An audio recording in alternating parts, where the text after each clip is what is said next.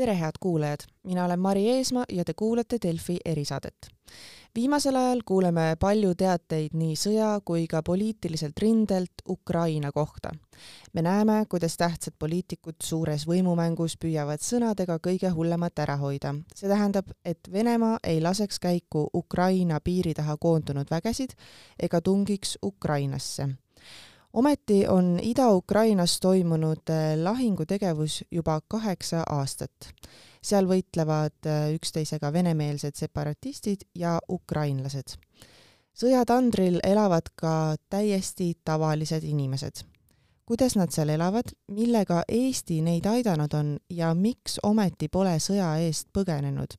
seda käis vaatamas Eesti Päevalehe ajakirjanik äh, Tuuli Jõesaar, kelle olen palunud ka täna saatesse. tervist! Tere hommikust!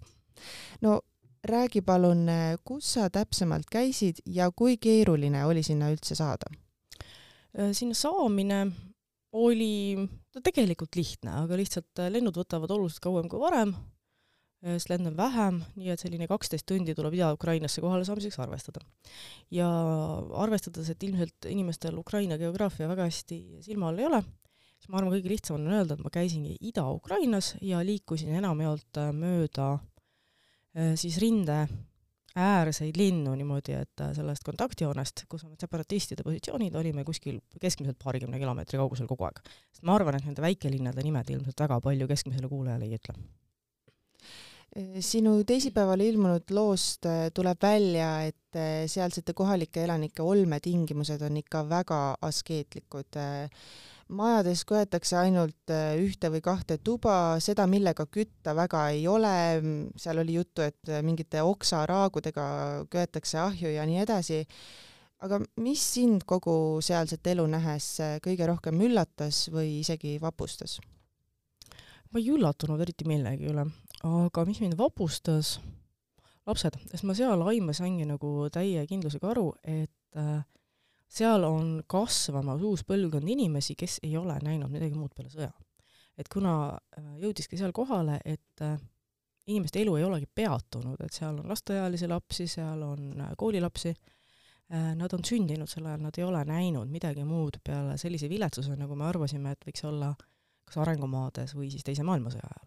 aga ei, ja need vaimsed probleemid, mis sealt tulevad, ehk siis ma nägin ise ühte naist, kes on ilmselt kaotanud sõja tõttu mõistuse, ikkagi elab oma lapsega koos, on tema ainus hoolekandja. Äh, neljapäevases loos on, vabandust, reedeses loos tuleb siis ka juttu äh, naisest, kes siis ähm, tegeleb laste logopeediliste probleemidega, mida kõik käivad, abi on liiga vähe, ehk siis me saame sealt täiesti uue kadunud põlvkonna, sellesama, millest siis, või selle sarnase, millest nii kuulsalt on kirjutanud kirjanikud pärast Esimest maailmasõda, kust tuli üldse see väljend kadunud põlvkond. sealt ei tule vaimselt normaalseid inimesi. kindlasti mingi hulk tuleb, aga see kahjustab, kindlasti see kahjustab ja kui palju on neil lootust, kui, kas me saame arvata, et see konflikt nüüd, eks ole, homme või aasta pärast lõpeb ja siis on kõik hästi? ei saa ju, ei saa. Need kahjustused on püsivad, sealt tulevad inimesed, kes on puruks ka kuuekümne aasta pärast no seda, milliseid mõjusid äh, me näeme siin kümne ja kahekümne, viiekümne, kuuekümne aasta pärast, on ilmselt praegu väga raske ette ennustada. aga miks need inimesed sealt siis ära ei lähe?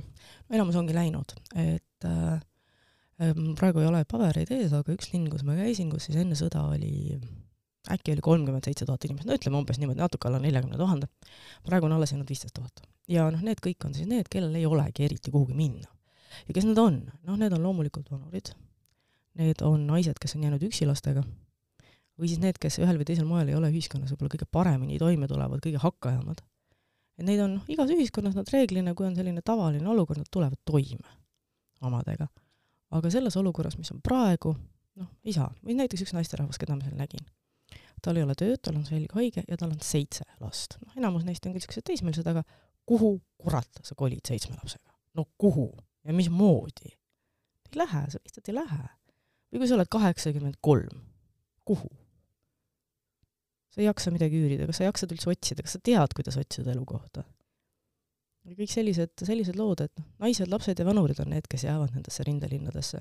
muidugi on ka mingi hulk mehi, on ka neid, kes on nagu, tulevad paremini toime. aga pigem on seal see kõige, kõige viletsamate hulk nii et äh, sellised äh, kadunud linnad on seal, kas võib nii öelda? ma arvan, et probleem just ongi selles, et nad ei ole kadunud. Need inimesed on seal. ühes linnas viisteist tuhat, teises kakskümmend tuhat. elavad, on kuidagimoodi. ära ka ei sure, hing on ikka sees kuidagi. no on selline.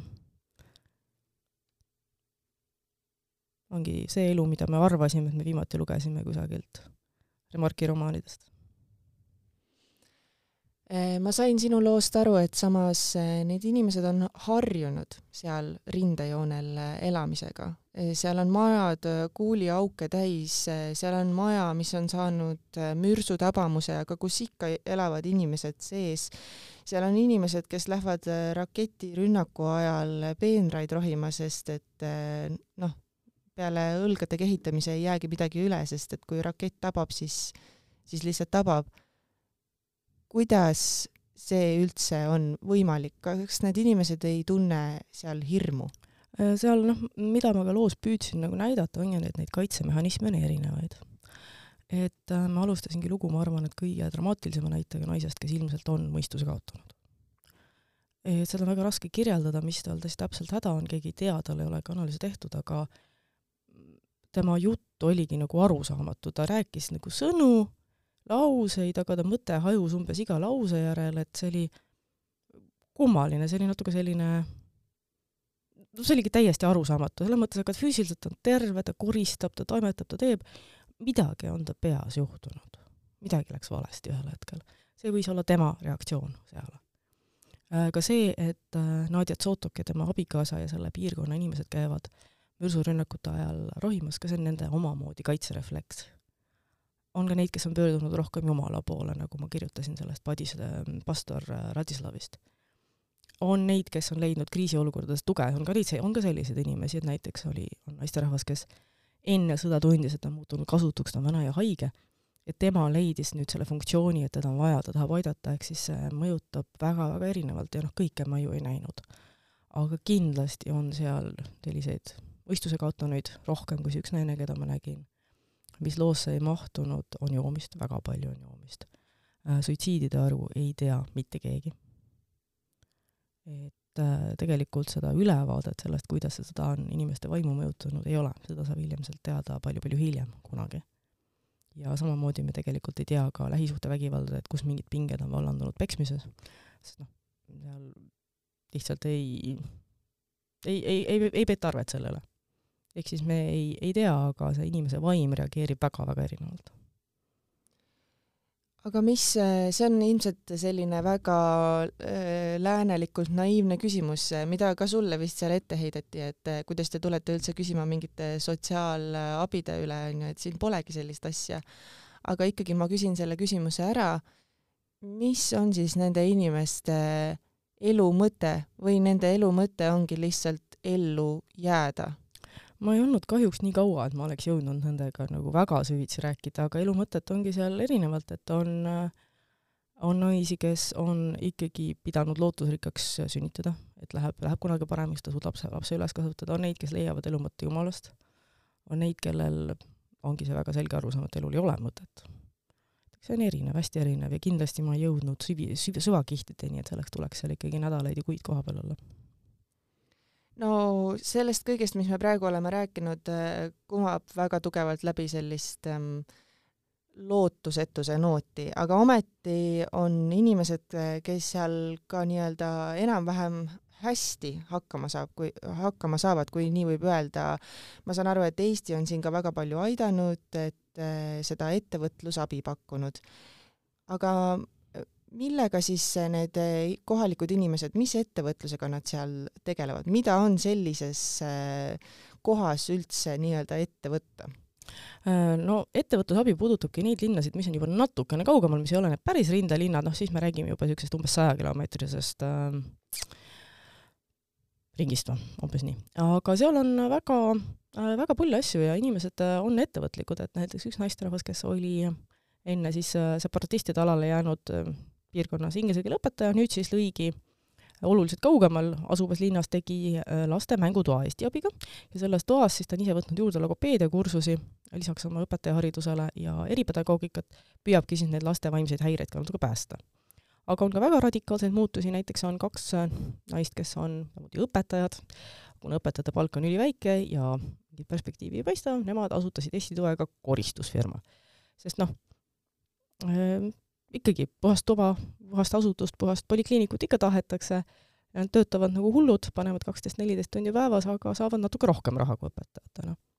siis kuna äh, ka seda noh, nii-öelda värsket toitu on hästi vähe, sellised äh, kasvuhooned nõuavad ju metsikult energiat, siis Eesti toel näiteks hakkas ühes äh, paneelmaja korteris niisugust salatimaterjali kasvatama üks naisterahvas, hüdropooniliselt siis, et seal on taimelambid, noh, see kasvatus on suhteliselt väike, aga piirkonnas, kus sul sellist noh, kurgikasvuhoonet, nagu me teame, mingid luunjad ja niimoodi ei ole, siis no sul on ikkagi peodes hapuoblikat on ka ikka väga kõva sõna veebruarikuus. Nemad teevad Eesti toel seda näiteks. et seal on väga-väga leidlikke lahendusi mida õnnestub kuidagi, kuidagi müüa, teha ja, ja toimetada. et noh, rikkaks ei saa, aga hoiab hinge sees.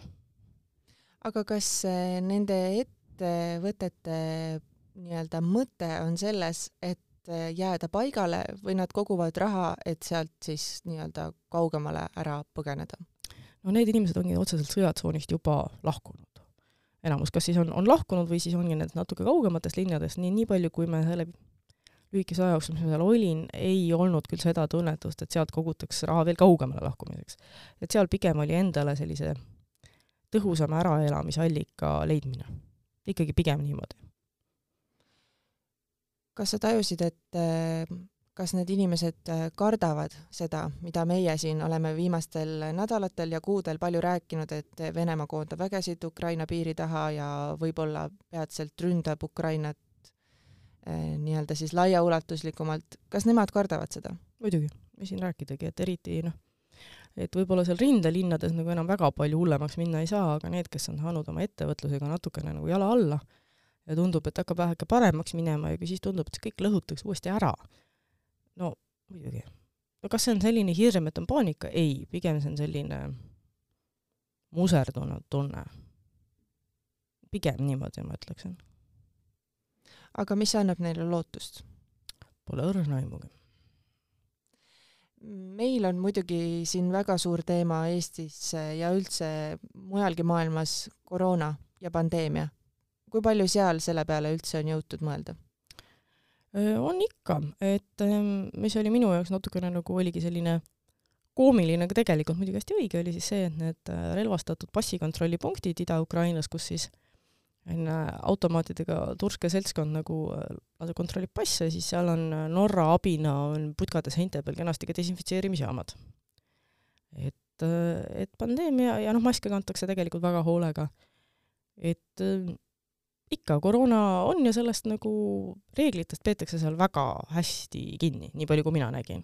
kindlasti on ka erandeid, aga jah, seal on pandeemia ja sõda lihtsalt kenasti sulandunud aga kuidas neil on vaktsineeritusega? ei oska öelda. nii et äh, seda, sellist tunnet, et pandeemia oleks maailma kõige suurem probleem, nende jaoks tegelikult ei ole, et ikkagi see sõda ja see on number üks? Mulle tundub, et antud hetkel küll. noh, nendel nädalatel, mis mina seal olin, aga eks kindlasti äh, sõltub ka piirkondadest, sõltub ajahetkest, aga praegu, kus see võimaliku äh, suurema rünnaku oht on rohkem pea kohal, aga samas äh, pandeemiaga me oleme juba nii-öelda harjunud ja natuke see kõige suurem haiglate koormus on langenud ka Ukrainas, siis äh, see võib-olla ei ole jah, hetkel see kõige tõsisem probleem. kuidas sulle tundub, äh, kas Ukrainast tulevate põgenike hulk ka väljaspoole Euroopasse, meile, kas see on reaalne probleem või asi, mis võiks hakata, hakata siin lähiajal nüüd juhtuma? kindlasti on inimesi, kes juhul, kui nüüd rünnak realiseerub või kui see hirm on inimestel tõsine, hakatakse välja liikuma. Kui neid on väga palju, siis see võib osutuda puhtalt rahaliselt probleemiks, aga Eestil on sellest ikkagi pigem võita, sest meil on ju inimesi vaja. Et äh, meil on ju tarvis arste, meil on tarvis õdesid, meil on tarvis väga paljude ametite esindajaid, et et äh, see on küll puhtalt minu isiklik arvamus, et aga vähemalt neid, kes suudavad ennast ise ära elatada, ja mulle jäi küll mulje, et ukrainlased on kohutavalt tublid ja töökad, jumala eest, tulge, tulge meie boksi. ja kas sa ise ka kartsid seal olles? ei, aga see on minu, minu isiklik probleem, et ma olen käinud mitmetes sõjakolletes, et see on selline minu kiiks. Kas äh, sul on veel lõpetuseks midagi öelda meie inimestele, kes siin elavad võrdlemisi head elu äh, kõige selle taustal, mis Ukrainas toimub? et kui jääb kopikas üle, annetage Eesti pagulasabile, sest see, kui sinul jääb H&M-ist mingi särk ostmata, siis kui see seitse eurot jõuab Eesti pagulasabini ja sealt omakorda ühe pereni, kellel ei ole raha talveriiete jaoks, siis see on, sellest oleks väga palju kasu aitäh sulle, Tuuli, et äh, avasid seda tausta, kuidas sa käisid Ukrainas ja mida sa seal nägid. nii et äh, loodame, et sa ei pea sinna rohkem minema ja ma läheks hea meelega. aga loodame, et äh, seal olukord ikkagi võiks natukenegi paremuse poole ja, minna. okei okay,, lepime siis kokku, et ma lähen tagasi turistina. teeme nii äh,. aitäh teile ka, head kuulajad, et kuulasite ja kuulmiseni